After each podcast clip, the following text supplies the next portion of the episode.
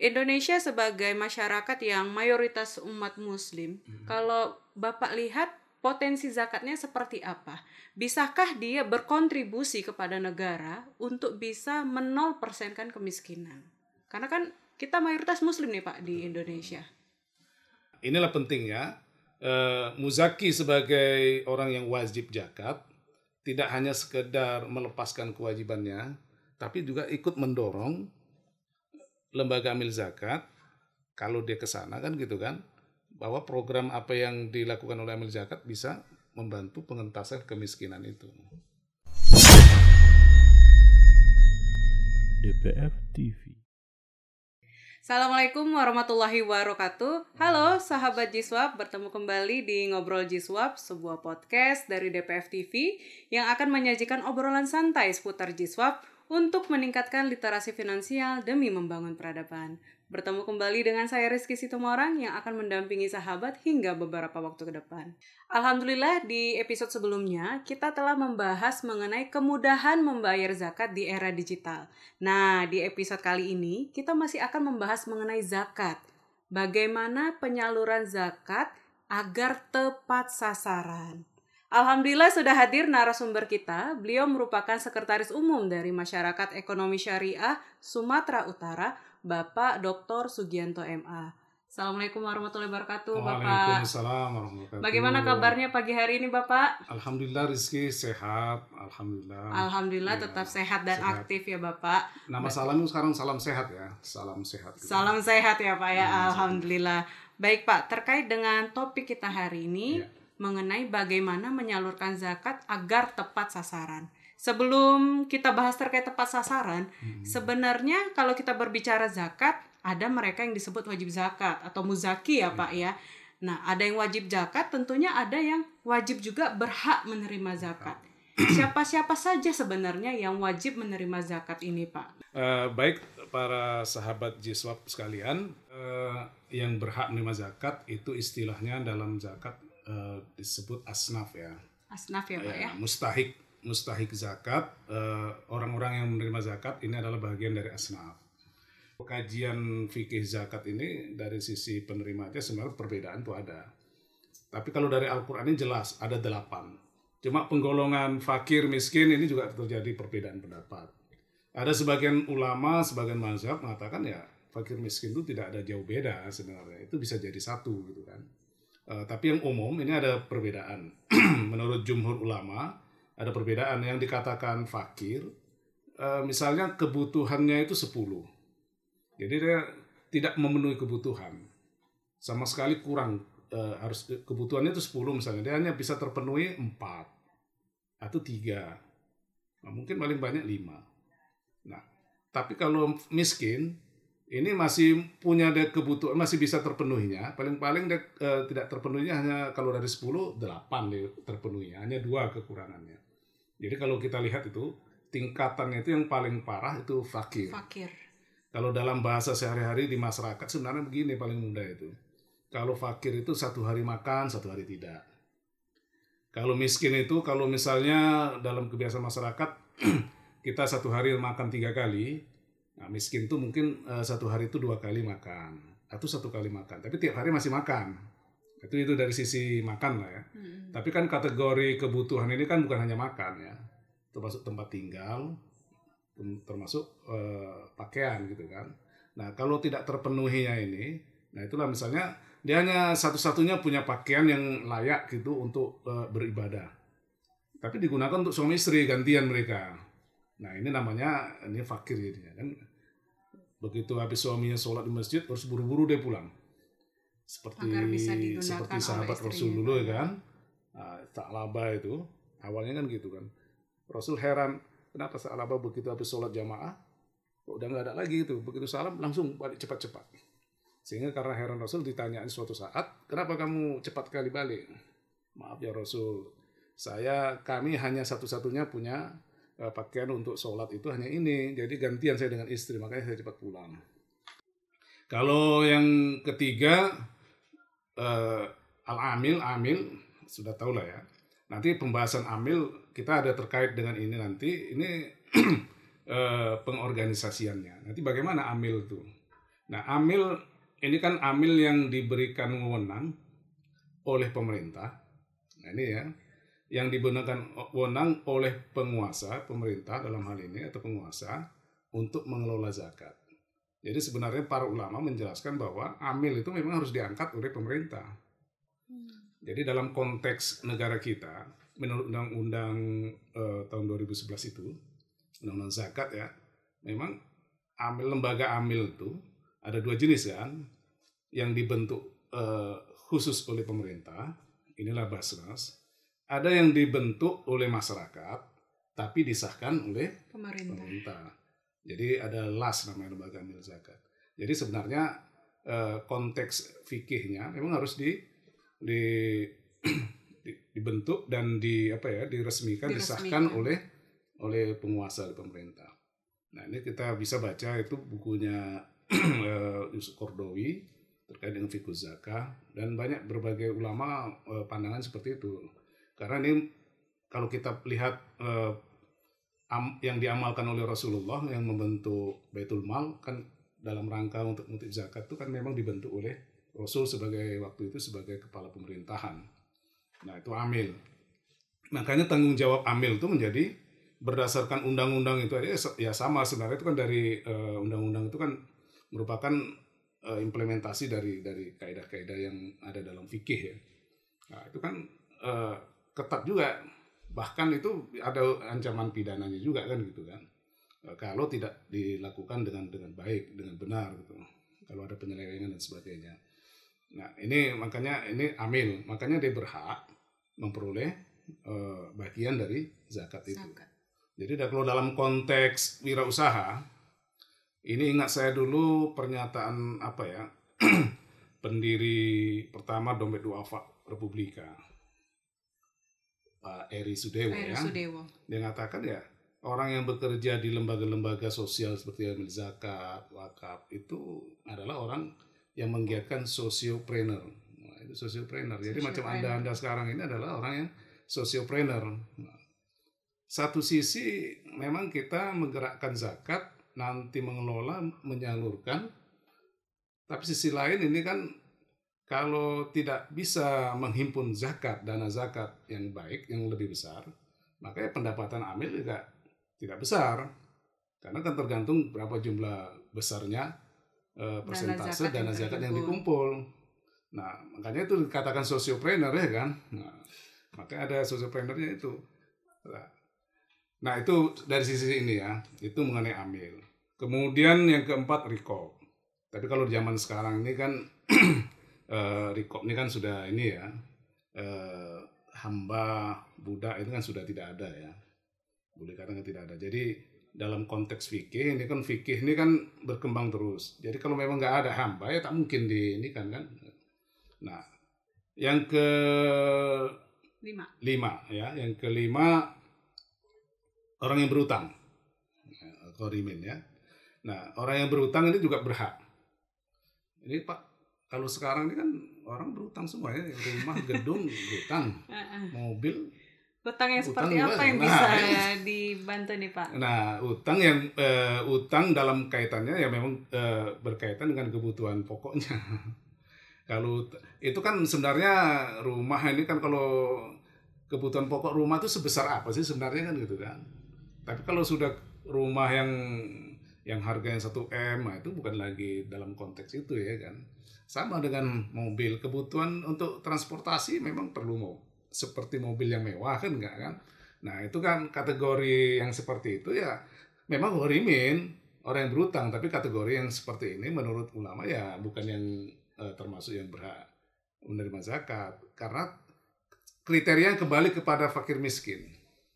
Berarti hutangnya itu tadi melihat di fakir miskinnya Iya, itu tadi jadi ya Pak? eh, kembali kriterianya ke fakir miskin. Kalau eh, kondisinya memang utang itu karena disebabkan kemiskinannya, nah itu yang yang ini kan gitu. yang ber Atau memang Baik. memang dalam rangka untuk memenuhi kebutuhan atau dalam rangka memang eh, untuk apa ya?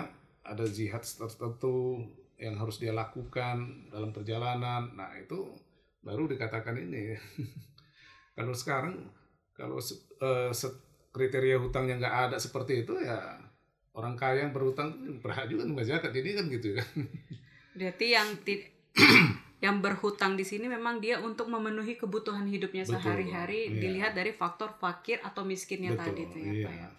Jadi yang itu ya. Jadi kalau memang nggak mampu dia bayar utang, karena berarti kan nggak mampu bayar utang kan. Nah, itu kan kalau dalam surat Baqarah itu kalau nggak mampu ya ditunda sampai dia mampu. Orang yang ngasih utang kalau nggak bisa juga eh, yang berutang dari membayar, udah ditunda, lebih baik kan dimaafkan. Kalau dimaafkan kan bagi bagi orang yang mengutang itu akan menjadikan pahala bagi dirinya kan gitu kan. Sekarang yang berutang pun nggak menjadi permasalahan nanti sampai akhirat. Nah itu kelebihan ajaran agama kita lah ya. Oke, yang selanjutnya itu adalah visabilillah ya. Nah eh, pada awalnya visabilillah ini kan terkait dengan eh, jihad ya dalam rangka menegakkan agama Allah. Nah kemudian belakangan memang ada penafsiran yang menafsirkan visabilillah itu luas sampai masalah eh, bangun masjid, rumah sakit, ada yang begitu. Tapi para ulama, terutama ulama jumhur ya, membatasi yang diberikan zakat itu adalah ada orangnya, ada personnya. Jadi bukan lembaga, bukan masjid itu kan siapa orangnya kan nggak ada kan? Walaupun ada pengurusnya, Pak. Iya, bukan kan yang diberikan kan bukan BKM-nya Berarti memang secara personalnya gitu. personalnya. Jadi kalau masjid, eh, misalnya masjid kita itu kan lagi bangun menara untuk zakat untuk menara. Nah, para ulama yang ulama jumhur kebanyakan ulama berpendapat itu nggak nggak tepat karena dia nggak nggak jelas siapa yang orangnya gitu kan karena masjid itu kan milik Allah kan orangnya nggak ada jadi makanya nggak tepat kalau diberikan kepada masjid sama dengan untuk kebutuhan eh, jalan dan sebagainya itu nggak ada ininya karena pemanfaatan umum yang kepemilikannya tidak menunjuk kepada person. Nah, ini pendapat jumhur ulama.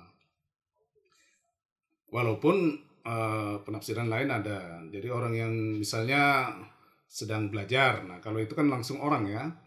Sedang belajar, kuliah, ini kan membutuhkan biaya. Orang tuanya kurang mampu. Nah, ini udah jelas nih kebutuhan untuk untuk itu dikatakan visabilillah. Jadi orang yang menuntut ilmu kan visabilillah kan banyak hadis-hadis yang terkait orang yang menuntut ilmu sama dengan berjihad gitu kan. Makanya ulama mengatakan ya orang yang menuntut ilmu itu ya termasuk golongan visabilillah sama yang orang yang mengajarkan ilmu sama juga gitu kan. Jadi yang menuntut ilmu yang mengajarkan ilmu bisa dikategorikan juga visabilillah. Kalau Ibnu Sabil ini kan dalam perjalanan ya, sedang dalam perjalanan. Nah, ini mungkin yang berkaitan dengan eh, kategori asnaf eh, mustahiknya yang berhak menerima zakat. Ada satu yang ketinggalan, Pak, belum Iya. dijelaskan. Mu'alaf, Pak. Oh iya tadi ya. Ah, ah. Mu'allaf. Mu'allaf, nah ini menarik nih. Dari pengertian awal sebenarnya, eh, mu'allaf kulu, kulubuhum itu artinya eh, untuk menjinakkan hatinya tunduk kepada Islam. Jadi ini ini untuk ini ya, bukan sekitar ini kan kebanyakan ada mu'allaf eh, kalau dia mu'allaf ke sana kemari ke masjid-masjid minta dibantu gitu ya. Nah, yang menariknya nih pada masa Rasul, terutama masa sahabat, ini masa Umar bin Khattab nih. Pernah ada mu'alaf itu tidak diberikan zakat oleh Umar. Ketika Islam udah mulai kuat. Jadi Islam eh, Umar bin Khattab sahabat Umar ini menafsirkan ayat mu'allaf fi qulubihim ini, mu'allafa qulubuhum ini adalah ketika Islam nggak kuat, bolehlah dibujuk orang yang punya pengaruh kekuatan untuk tunduk kepada Islam sehingga diberikan zakat. Bahkan itu penafsirannya adalah orang yang belum masuk Islam tapi supaya tunduk ke Islam ada yang merasa tunduk tidak membenci Islam diberikan zakat dibolehkan. Itulah dulu beberapa ulama menafsirkan seperti itu. Nah, ketika pada masa Umar, Umar tidak mau lagi memberinya. Alasannya Islam dong kuat untuk apa lagi membujuk-bujuk orang yang seperti ini. nah, itu eh, itu yang pernah dilakukan oleh Umar bin Khattab. Walaupun nah kan para ulama kan membolehkan ya bahwa orang yang baru masuk Islam artinya mu'alaf ini kan orang yang baru masuk Islam bersyahadat mengakui keislamannya kadang-kadang dia kan di keluarganya dikucilkan ke- sehingga di tempat kerjanya mungkin dikucilkan juga karena eh, perpindahan Dianggap agama kan- asing ya, Pak Iya, ya. makanya kebutuhan-kebutuhannya kan akhirnya kan terbatas. Makanya perlu dibantu. Nah kondisi sekarang kan berbeda dengan dulu ya. Kalau dulu memang orang yang punya pengaruh termasuk Umar bin Khattab sendiri kan termasuk yang pengaruh dan paling benci dengan Islam dulu kan. Dengan Nabi kan benci sekali. Nah orang yang seperti ini perlu ditaklukkan hatinya salah satunya dengan memberikan zakat gitulah tapi setelah kuat Umar mengatakan nggak nggak betul ini karena tak perlu lagi dilunakkan hatinya nah kondisi sekarang orang mualaf ini tantangannya bukan justru Islam dengan mualafnya yang oh, sebelum mualaf, tapi justru dia dengan lingkungannya gitu kan. Nah ini kalau kita lihatlah konteks sekarang nih. Nah itulah mungkin eh, perlu dibantu mualaf nih untuk dia bisa mandiri, eh, terbebas dari permasalahan dengan keluarga dan eh, lingkungannya pada waktu dia sebelum dan setelah masuk masuk Islam. Nah itu berkaitan dengan mualaf. Baik, wah berarti ya. ada 8 golongan tadi ya Pak? 8 golongan. Kalau saya coba tarik benang merahnya dari 8 asnaf tadi ya Pak hmm. yang berhak menerima zakat, artinya kan mereka itu diberikan karena memang kebutuhan hidup. Betul. Artinya kebutuhan hidupnya itu bisa dikatakan di bawah garis kemiskinan. Hmm. Indonesia sebagai masyarakat yang mayoritas umat muslim, hmm. kalau Bapak lihat potensi zakatnya seperti apa? Bisakah dia berkontribusi kepada negara untuk bisa menol persenkan kemiskinan? Karena kan kita mayoritas muslim nih Pak betul, di Indonesia. Betul. Oke ya, uh, banyak penelitian sebenarnya, beberapa penelitian dilakukan oleh beberapa kampus ya. Itu potensi zakat kita sebenarnya besar ya. Besar ya Pak Besar ya? sekali. Berapa triliun ya, sampai ada yang mengatakan uh, per tahun itu bisa 7 ya 7 triliun uh, ini karena hitung hitungannya berdasarkan pendapatan masyarakat muslim nah, nah lalu kenapa itu kok kalau laporan zakat itu kok nggak sebesar itu gitu kan mm. nah ini kan banyak faktor ya uh, tipe masyarakat kita ini kan uh, macam-macam ya umumnya melalui kalau data ini kan selalu dapat kita peroleh melalui lembaga. Betul. Kalau yang dibayarkan langsung oleh muzakinya ke mustahik, ini kan nggak terdata. Tidak ya, terdata ya. Bukan nggak bukan berarti orang muslim itu yang punya kewajiban, yang wajib dia membayar zakat tidak berzakat kan gitu masalahnya kan. Cuma ketika dia berzakat nggak terdata. Yang terdata ini kalau melalui lembaga, lembaga, lembaga amil yang yang sah ya kan, baru ada datanya. Nah permasalahannya kenapa ini masyarakat yang muzaki ini tidak membayar zakat kepada lembaga? Nah, di situ yang perlu kita lihat uh, konteksnya. Ini mungkin pembahasannya agak panjang, tapi intinya begini. Uh, pertama ada beberapa faktor. Yang pertama itu ada budaya berzakat itu ada ajaran dulu uh, yang secara tradisi yang diperoleh oleh masyarakat kita. Bayar zakat itu sebaiknya langsung pada orangnya, langsung terima sehingga nampak gitu kan uh, apa yang kebutuhan dia gitu kan kemudian kalau perlu tak usah rame tak usah diketahui orang lain kan gitu kan yang kedua faktornya di antaranya ya trust kepercayaan Percaya. Ya dulu lembaga-lembaga sebelum apa ya eh, terutama lembaga yang berafiliasi dengan pemerintah lembaga zakat ini ini yang yang hasil hasil penelitian sebelumnya ya kurang dipercaya oleh masyarakat. masyarakat. Karena mungkin ya sistem pelaporannya apanya tidak kan tidak nampak gitu ya. Jadi masyarakat tidak percaya ah jangan-jangan kan gitu kan. Jangan-jangan zakat yang saya bayarkan ini ada titik-titiknya gitu kan. Nah di sini persoalan. Nah sekarang menurut ketentuan undang-undang kan harus transparan memang harus dilaporkan secara publik kan gitu kan. Nah itu juga harus uh, untuk menjaga loyalitas uh, muzaki kepada lembaga itu kan memang harus pelaporan terus menerus jadi muzaki itu yakin kan uh, dia dilaporin ke mana sebenarnya dana zakat bapak ini diarahkan, apa program-programnya, nah itu baru baru percaya kan gitu kan. Jadi alhamdulillah sini kalau kita lihat ada peningkatan-peningkatan belakangan ini, apalagi lembaga zakat kan sekarang tidak tidak sedikit ya, sudah mulai banyak. Artinya eh, peluang masyarakat melihat lembaga zakat itu untuk dia berzakat sudah mulai beragam. Sesuai dengan keinginan masyarakat yang berzakat itu mau dikemanakan uangku sih zakatku ini? Aku mau tahu. Ya kan? Uh, aku keinginanku sebenarnya kepinginnya gini. Di sini ada nggak program seperti itu? Nah, ada yang masyarakat yang begitu ada juga yang tak mau tak peduli Yang penting, penting ditunaikan iya, zakatnya penting gitu ya Pak ya. Jadi memang ada tipe masyarakat kita. Muzaki ini tipenya ada yang pokoknya kewajiban saya sebagai muslim yang wajib bayar zakat tunai gitu kan. Soal itu ke mana bukan urusan saya lagi. Ada yang begitu, itu yang yang tak peduli kan. Ada juga yang ingin tahu itu kan, ada manfaatnya itu. Nah, kan memang kalau kita lihat ya, tujuan zakat tuh kalau dari sisi muzaki kan untuk eh, mensucikan harta sama diri kan. Nah, ini mensucikan harta dan dirinya. Jadi dia begitu zakat, hartanya tersucikan. Nah, Jadi ada sesuatu yang kurang baik atau tidak hampir-hampir tidak sesuai dengan syariah, tersucikanlah dengan itu kan gitu kan. Eh, dirinya pun tersucikan karena dia bayar zakat. Itu paling tidak itu tujuan ininya. Yang kedua kan ada, nah ini yang kadang-kadang muzaki eh, perlu peduli juga melihat lembaga yang capable yang punya yang paling tidak mendorong lembaga zakat itu tujuan untuk mustahiknya tujuan untuk mustahik kan bukan hanya sekedar memenuhi kebutuhan ansih ya kan? bukan hanya sekedar itu gitu ya bagaimana kalau bisa mustahik ini nanti berproses dia tidak jadi terus menerus jadi mustahik kan gitu kan Berpindah ya Pak dari Ah, mustahik mudah-mudahan Iya. menjadi muzaki, Muzaki. ya Pak ya. Nah, perpindahan itu yang ini yang harus eh, Muzaki ini bisa mendorong lembaga untuk proses itu. Jadi di sini kepentingan sebenarnya Muzaki mengetahui program-program itu juga dia mendorong lembaga zakat, lembaga amil zakat ini untuk membantu itu peningkatan-peningkatan itu. Paling tidak ya eh, adalah program-program yang bisa kita lihat peningkatan. Jadi apa yang diminta tadi. Bisa nggak? Indonesia kan muslimnya Mayoritas. bisa nggak yang miskin itu orang muslim juga? Gitu kan karena mayoritas itu ya kan? Bisa nggak ini eh, terkurangi? Kalaupun tidak sampai nol agak sulit juga ya. Karena sudah memang realitas kehidupan sudah merupakan fitrahnya ada pasang-pasangan ada kaya ada miskin kalau dikatakan nol miskin itu agak susah juga walaupun di- boleh jadi bisa Tapi setidaknya Beberapa- zakat iya. itu bisa berkontribusi ya Betul. Pak ya.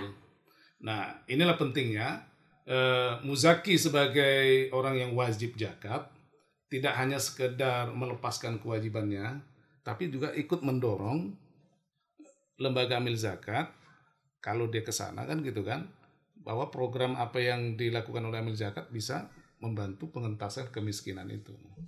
Jadi idealnya kalau kita ingin menunaikan zakat, baiknya memang ke lembaga ambil zakat yang resmi atau memang secara personal baiknya Pak? kalau kita ingin tujuannya tadi ya mengentaskan kemiskinan jadi merubah posisi mustahik nanti menjadi Jadi muzaki. muzaki memang agak sulit person seberapa besar lah kalau person kemampuan untuk itu ya kan oke lah kalau dia misalnya pendapatannya besar sehingga dia zakatnya besar tapi apa mungkin dia memberikan zakat kepada hanya satu orang kan gitu kan nah, biasanya nggak terpikirkan untuk dia pun sibuk kan gitu kan nah kemudian bagaimana dia mengawalnya bagaimana dia pembinaannya nah ini kelebihan lembaga amil zakat ini kan bukan hanya sekedar menyalurkan tapi dia kan membina Ada proses pembinaan ada proses ya Pak? pembinaan sehingga ada ada ini ya kan gitu Pembinaan dan pengawasan ya Betul. Pak ya. Karena dia kan memang menurut undang-undang harus begitu kan. Jadi kalau nggak seperti itu ya tujuan eh, zakat diberikan kepada eh, mustahik itu agar berubah ya nggak tercapai karena nggak ada nggak ada pengawasan nggak ada pembinaan kan sulit jadinya. Baik. Mm-mm. Terkait lembaga amil zakat di Indonesia ini kan yang tentunya lembaga amil zakat yang resmi dan diunjuk oleh Basnas ya Pak ya. Ya, bukan Basnas pemerintah ya. Pemerintah ya Pak ya. Mereka kan punya beragam apa ya program, ada yang di kanal pendidikan, kesehatan, sosial, dakwah, ekonomi dan lain sebagainya. Sebenarnya kalau kita melihat kepentingan yang paling prioritas zakat ini disalurkan ke program seperti apa Pak? Atau kita ngeliat faktor need-nya ya? Ya, kadang-kadang kan begini, kita tidak semua apa ya eh, program prioritas kan harusnya lihat kajian juga ya kan konteks masyarakat tuh sebenarnya kebutuhan prioritasnya apa. Kebutuhan masyarakat lah Iya. berarti ya Pak yang Iya, dianalisa ya misalnya Pak. memang kondisi masyarakat di sini memang kont- eh, tingkat kesehatan ini memang rendah gitu kan. Maka ini jadi penting juga kan gitu jadi prioritas. Nah, jadi mungkin program itu ada semua, cuma tingkat prioritasnya itu dilihat dari kebutuhan masyarakat yang menjadi mustahik. Hmm, Jadi makanya sebenarnya ya mau tidak mau memang lembaga amil zakat melakukan semacam survei dan ini kan bisa bisa kerjasama dengan perguruan tinggi ya kan Artinya adik-adik mahasiswa itu dimanfaatkan kalau dia bisa melakukan penelitian skripsinya bisa diarahkan. Kalau kerjasama seperti itu kan bagus ya kan. Uh, nggak bisa kita uh, ada beberapa masyarakat contohnya kan. Kalau kita lihat kondisinya seperti miskin, tapi ternyata mereka marah dibilang miskin. Ada kejadian dulu pada waktu masa presiden sebelumnya lah ya, uh, ada bantuan langsung tunai itu dia tolak saya bukan miskin, rumah saya begini bukan karena saya miskin. Gitu. Kan.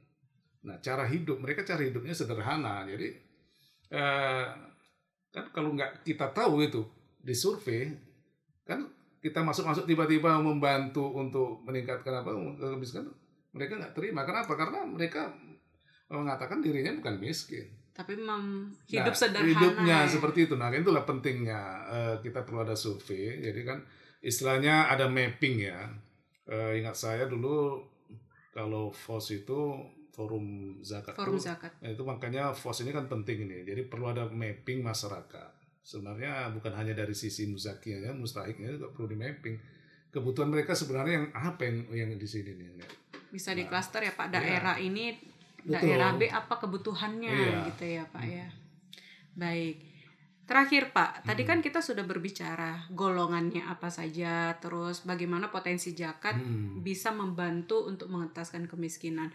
Sebenarnya ada cara yang paling ideal nggak sih Pak agar zakat itu disalurkan dengan cepat dan tepat sasaran? Iya, idealnya ini kan bicara masalah orang ya. Masalah orang tuh beda dengan dengan e, benda gitu ya kan statis. Orang ini kan dinamis. Orang ini melekat dalam dirinya budaya tradisi sosial ekonomi politiknya kan gitu kan. Ini semuanya ada sini. Makanya untuk tepat sasaran mau tidak mau memang lembaga ambil zakat ini buat mappingnya tadi katakan tadi. Jadi untuk tepat sasaran itu memang harus di mapping dia harus ada mapping, iya, survei, survei. survei Nanti baru tinggal programnya itu seperti apa. Kalau memang dia program ekonomi, apa tepatnya di sana? Jangan-jangan nanti dikasih ya, untuk ternak kambing, tapi uh, tradisi masyarakat ekonominya nggak ke sana arahnya. Tidak. Gagal kan kan gagal. Hmm. Karena ada beberapa saya lihat dulu beberapa tahun yang lalu ya uh, di daerah agak daerah nelayan dibuat ternak gitu kan? Di Belawan ya pak ya? Ada yang saya datangin dulu. Daerah nelayan dia dekat laut buat ternak. Kan agak sulit. Mungkin untuk pakan ternak kan sulit. Mereka belum terbiasa untuk buat tambak misalnya tambak hmm. ikan hmm. atau ke laut kan susah jadinya. Nah ini juga eh, jadi mapping ini penting. Tidak bisa hanya kita paksakan program kita harus begini tapi tanpa kita mengetahui kondisi masyarakatnya. Jadi tepat sasaran itu dalam arti eh, memang mau tidak mau perlu untuk untuk survei. Dan oleh karena itu sebenarnya lembaga amil zakat harus membatasi dirinya eh, membatasi sesuai dengan kemampuannya masyarakat yang mana. Nah, mau tidak mau kan begitu. Kalau dalam konteks fikih kan kalau bisa zakat itu di sekitar situ dulu. Kalau sudah itu teratasi baru agak menjauh meluas gitu kan nah, semakin meluas. Nah itu yang yang yang bisa uh, menurut saya sih tepat sasarannya tepat seperti sasaran. Ini. kalau pakai sistem uh, sistem kalau masyarakat perkotaan mungkin dengan sistem apa mungkin digital apa dan semua bisa ya kan.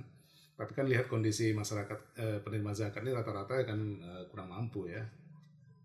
Ini kan masalah mustahiknya bukan muzakinya gitu ya. Betul Baik sahabat Jiswap, tadi kita sudah mendapatkan informasi ya dari Bapak Sugianto bahwa yang berhak menerima zakat itu ada delapan golongan. Dan baiknya memang zakat itu disalurkan melalui lembaga ambil zakat yang memang sudah resmi dan diunjuk oleh pemerintah. Mengapa? Karena agar tepat sasaran, lembaga ambil zakat itu akan melakukan survei, mapping sehingga penerima manfaat atau mustahik akan benar-benar tepat sasaran. Bapak Sugianto, terima kasih ya Pak atas sama, informasinya sama. hari ini. Tetap sehat dan aktif ya Bapak. Amin, amin. Insyaallah. Baik sahabat Jiswap, terima kasih sudah menyaksikan Ngobrol Jiswap. Jangan lupa untuk menyaksikan episode selanjutnya setiap hari Jumat pukul 9 pagi. Dan boleh juga ya di like channel kita di DPF TV. Saya Rizky Situmorang undur diri, tetap sehat dan aktif dengan zakat dan wakaf produktif. Assalamualaikum warahmatullahi wabarakatuh. Waalaikumsalam. DPF TV